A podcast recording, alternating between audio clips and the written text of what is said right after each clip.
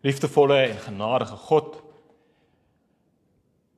Baie dankie vir dae soos hierdie, oomblikke soos hierdie waarin ons ons gesigte na u opkomende son kan draai en op hierdie manier ons lewens ons harte opnuut volgens u boodskap van genade en van verlossing kan orienteer.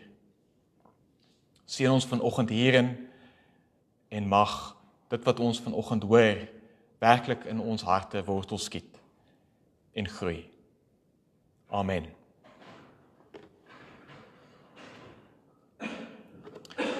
Ons skriflesing kom vanoggend uit Paulus se eerste brief aan die Tessalonisense. Ehm um, dis Tessalonisense 1 Tessalonisense 5 vers 1 tot 11. As jy dalk jou Bybel het, kan jy daarin blaai. Ek sal dit graag vir ons voorlees.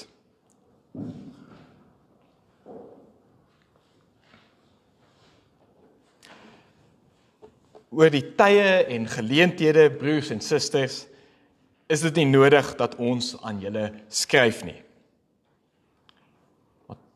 Paulus het gevoel hy moet in elk geval maar verder skryf daaroor. Want julle weet self baie goed dat die dag van die Here soos 'n dief in die nag kom. Wanneer hulle sê daar is vrede en veiligheid, kom daar skielik vernietiging oor hulle. Soos geboortepyne 'n swanger vrou oorval en hulle sal beslis nie ontkom nie. Maar julle broers en susters is nie in die duisternis nie. Sodat die dag julle nie soos 'n dief sal oorval nie. Julle is immers almal kinders van die lig en kinders van die dag. Ons is nie van die nag of die duisternis nie. Laat ons dan nie slaap soos die ander nie, maar waaksaam en nugter wees. Want hulle wat slaap, slaap snags. En diegene wat hulle dronk drink, doen dit snags. Laat ons wat van die dag is, egter nugter wees nadat ons die borsplaat van geloof en liefde en die helm van hoop op verlossing aangetrek het. Want God het ons nie tot veroordeling bestem nie, maar om deur ons Here Jesus Christus verlossing te verkry. Hy wat ter wille van ons gesterf het, sodat ons of ons wakker is of slaap, saam met hom kan leef. Daarom bemoedig mekaar en laat die een die ander in die geloof opbou soos julle inderdaad doen. Tot sover die woord van God vanoggend aan ons.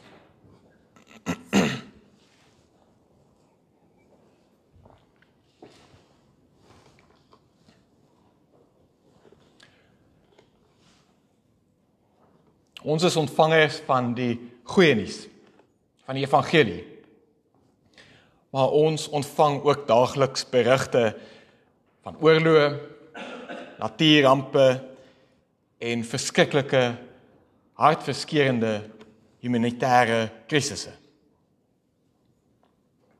En ongeag hoe dit met jou persoonlik gaan, knaag hierdie dinge aan 'n mens. Voel ons dat ons in donker en onsekere tye leef. In sulke tye is die woord apokalips op baie mense se lippe en is daar baie wat beweer dat ons in die sogenaamde eindtye leef. Miskien het jy al 'n paar WhatsApp boodskappe gekry met videomateriaal ehm um, wat dit vir jou uitlê wat jou hieroor waarsku. Maar wat bedoel mense daarmee? Wat beteken apokalips? In die alledaagse omgangstaal beteken dit die einde van die wêreld. Vir meeste mense verwys apokalips na 'n katastrofiese gebeurtenis wat 'n einde bring aan die wêreld. Vir baie mense Vandag is apokaliptiese tye sinoniem met die eindtye. Maar die Engelse en Afrikaanse woord apokalips is egter 'n alliterasie van die Griekse woord apokalypto. 'n Woord wat baie dikwels in die Bybel voorkom. In Bybelse Grieks het dit 'n heeltemal ander betekenis as die een waarmee ons waarskynlik die meeste bekend is of die meeste vertroud is. Dit beteken nie die einde van die wêreld nie.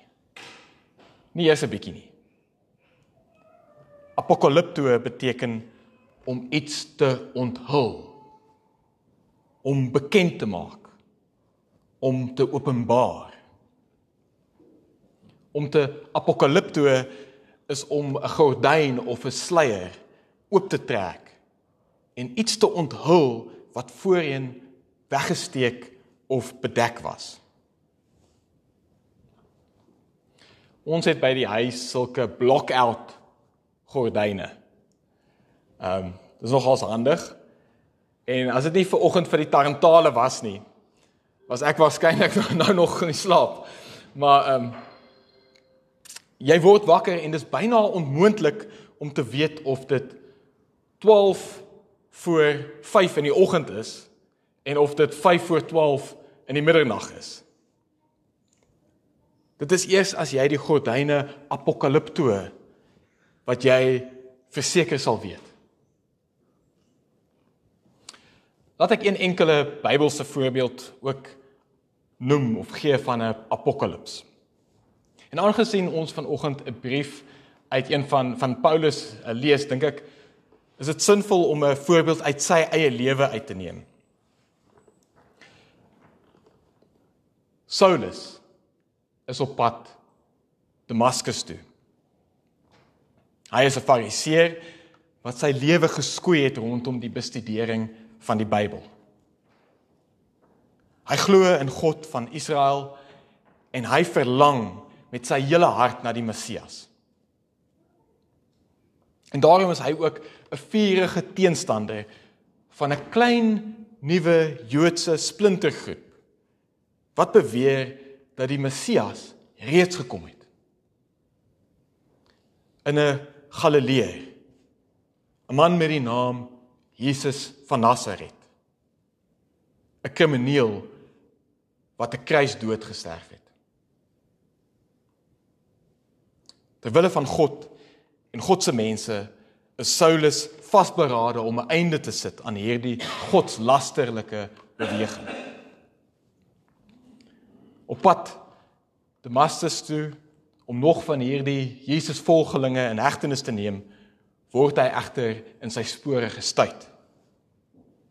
Helder lig uit die hemel verblind hom. Hy hoor 'n stem. Dis die Almagtige wat met hom praat. Saulus, Saulus.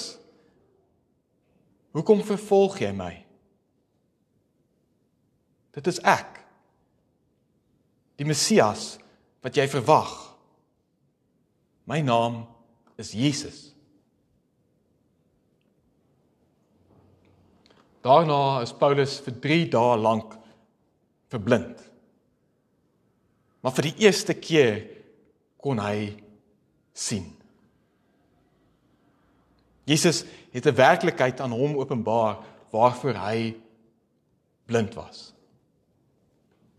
Soos hy dit later in sy brief aan die Galileërs beskryf, God het Jesus Christus in my hart geapokalipto. En skielik moes alles verander. Saulus moes Paulus word. Hy moes 'n nuwe koers inslaan. Hy moes alles herinterpreteer waarvan hy voorheen so oortuig was. Want God se hart is in sy hart geapokalipto. Hy weet nou Jesus is die Here. So apokalipto om te onthul, om bekend te maak, om te openbaar. Die is nie die einde van die wêreld nie. Dis die begin van 'n radikaal nuwe wêreld met dramatiese effek.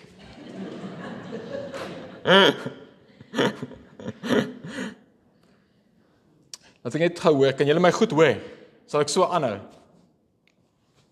Nie 'n katastrofiese einde van die wêreld nie, maar die ooptrek van ons sluiers.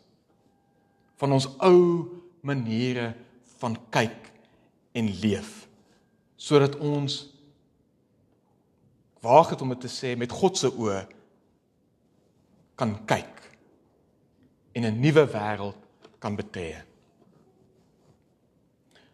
Dit mag voel asof jou wêreld in mekaar tuimel. Jy mag vir 3 dae heeltemal blind wees en dink jy gaan nooit weer sien nie.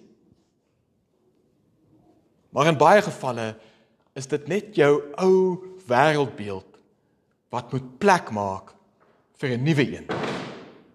Die ou mens wat moet sterf sodat die nuwe mens kan opstaan. En ja, soms voel dit asof jy sterf. Maar dis nie die ware jy wat wegkwyn nie. Net die vreesgedrewe, beheer soekende, ego gefokusde jy wat sterf. Die jy wat God uit die asse uit, uit laat opstaan. gaan jy later ontdek is meer lewendig. Meer gereed vir aksie. Meer vreugdevol, meer eerlik. Omdat hierdie jy wakker geword het. En wakker is vir hoe dinge werklik is. Omdat jy nie meer in 'n droomwêreld leef nie, is jy ook dan meer oop vir die ellende van die wêreld. Maar ook vir alles wat werklik saak maak. Alles wat ware vreugde bring. Nou in hierdie brief 1 Tessalonisense skryf Paulus vir een van die eerste Christelike gemeentes soos in ons tyd was daar baie vrae oor die tye waarin hulle leef, oor die eindtye. In die oorspronklike sin van die woord het hulle ook in apokaliptiese tye geleef. Dit was vir Paulus die belangrikste. Met ander woorde, hulle het geleef in die kragveld van Jesus se opstanding. Met die Heilige Gees wat in hulle woon om Jesus aan hulle te apokalipto. vir ons wat 2000 jaar later leef met soveel Christelike gemeenskappe wat tussen ons en hulle staan is dit ek dink amper onmoontlik om te verstaan met watter groot afwagting hulle vir Jesus gewag het na 'n dekade of so van wag en met die donkerte van vervolging wat ook oor hulle toesak het hulle egter begin wonder. Is dit waar? Het die Here werklik opgestaan? Of was dit dalk net 'n droom? Soos ons moes die eerste Christene leer om is in die tussentye te leef. Tye waarin Jesus reeds die oorwinning behaal het. Maar die volle regmaak van die wêreld nog nie ten volle afgehandel is nie. Nog voor ons lê. Daarom gebruik Paulus hierdie beelde van aan die slaap en wakker, van dag en nag, van nugter en dronk. Hy gebruik volgens my heeltemal te veel metafore in een kort paragraafie. Ehm, um, maar nog een van die beelde wat hy gebruik is van ander mense wat volgens hom aan die slaap vir mekaar mompel vrede en veiligheid. Vrede en veiligheid. Alles is oukei. Okay. Niks gaan gebeur nie. Moenie worry nie. Van wie praat Paulus hier? Ek weet nie of dit in julle Bybels ook so is nie, maar in my vertaling is hierdie woorde vrede en veiligheid in aanhalingstekens want dit vir, vir ons ietsie sê dat hierdie bekende woorde was. Dit was 'n bekende slagspreuk. Dit was propaganda wat deur die Romeinse ryk versprei is om die inwoners aan die slaap te sis en te oortuig dat hulle bekende vrede, die Pax Romana soos dit bekend gestaan het. Hulle vrede wat hulle deur die swaard deur hulle groot weermag dat dit in stand gaan hou, gaan bly. Vertrou net die keiser. Vertrou net vir ons. Ons sal vir julle vrede bring deur die swaard. En dis hierdie mense wat Paulus aanvat. Moenie hierdie imperiële propaganda vertrou nie, sê hy. Rome kan nie vrede en veiligheid waarborg nie.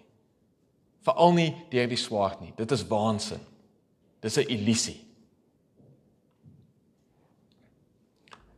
Nou praat hy met hierdie klein gemeenskapie omring deur mense van die nag. Mense wat hulle wil laat insluimer om verder aan die slaap te raak. En vir hulle herinner Paulus: Julle is kinders van die dag, van die lig. Hier is julle in die middel van die wêreld se nag, maar die gees van Jesus wat in julle woon, sê vir julle: Ooreet julle dat dit reeds dag is. Soos die voëls, soos die tarantale. Julle is al reeds kinders van die lig. God se nuwe wêreld het reeds in hierdie hartseer, slaperige, dronk en dodelike wêreld ingebreek. Soos met geboortepyne mag dit voel asof dit die einde is. Asof jy besig is om te sterf.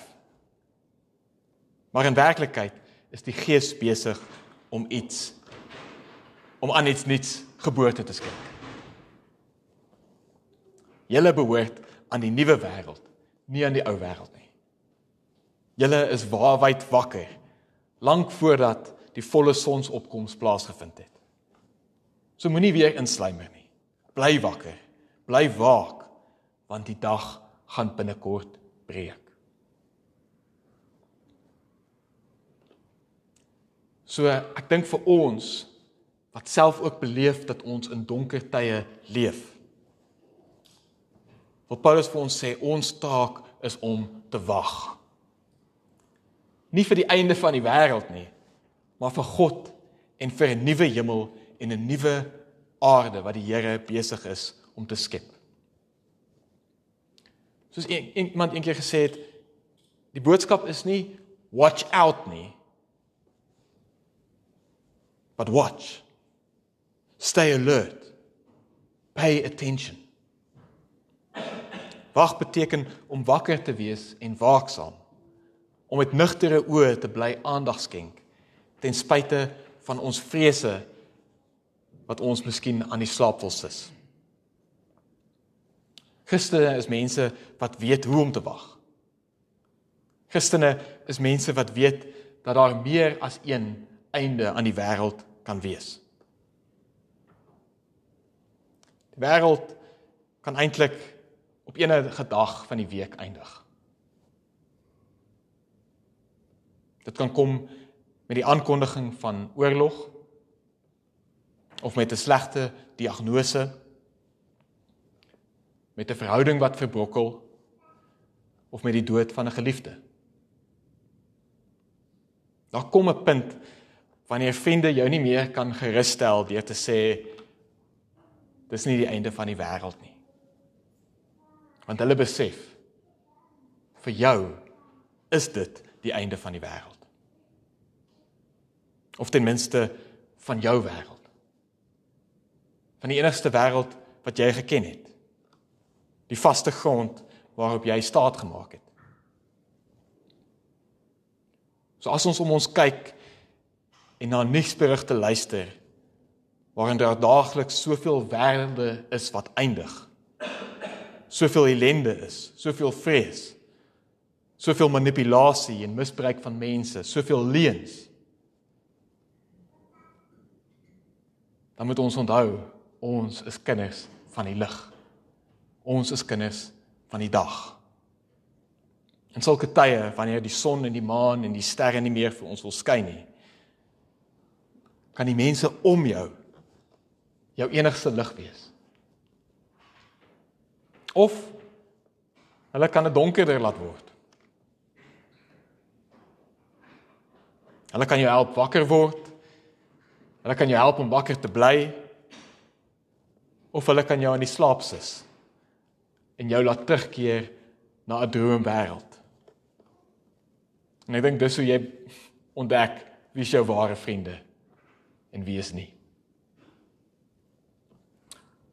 Paulus eindig hierdie gedeelte met die oproep: Bemoedig mekaar en laat die een die ander in geloof opbou soos julle inderdaad doen. Ek kan daai boodskap net so oordra aan julle vanoggend.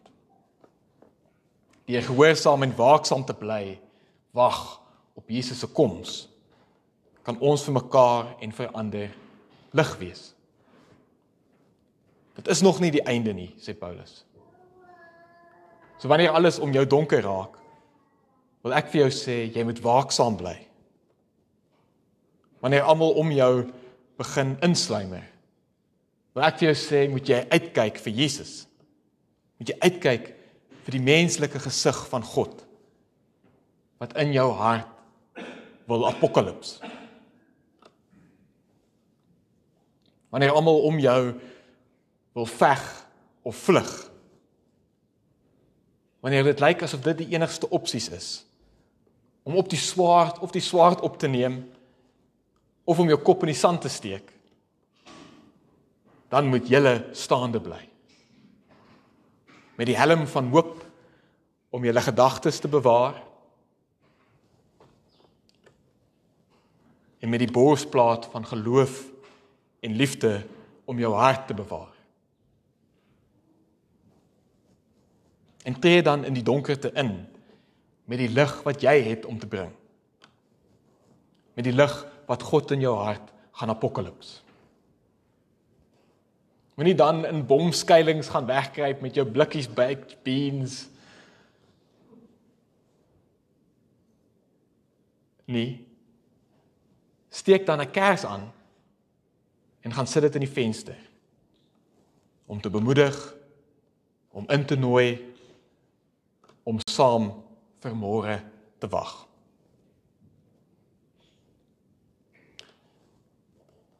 Ek het vroeër gesê dat as daai gordyne toe is, is dit moeilik om te weet of dit 12 5 voor 12 in die nag is en of dit 5 12 voor 5 in die oggend is. Die teoloog Krippies Klitzinger het gesê dat om 'n Christen te wees is om iemand te wees wat altyd oop is vir die moontlikheid. Dat wanneer jy en almal om jou dink dat dit 5 voor 12 in die nag is, dit eintlik 12 voor 5 in die oggend is. En dis dat die dag binnekort gaan breek.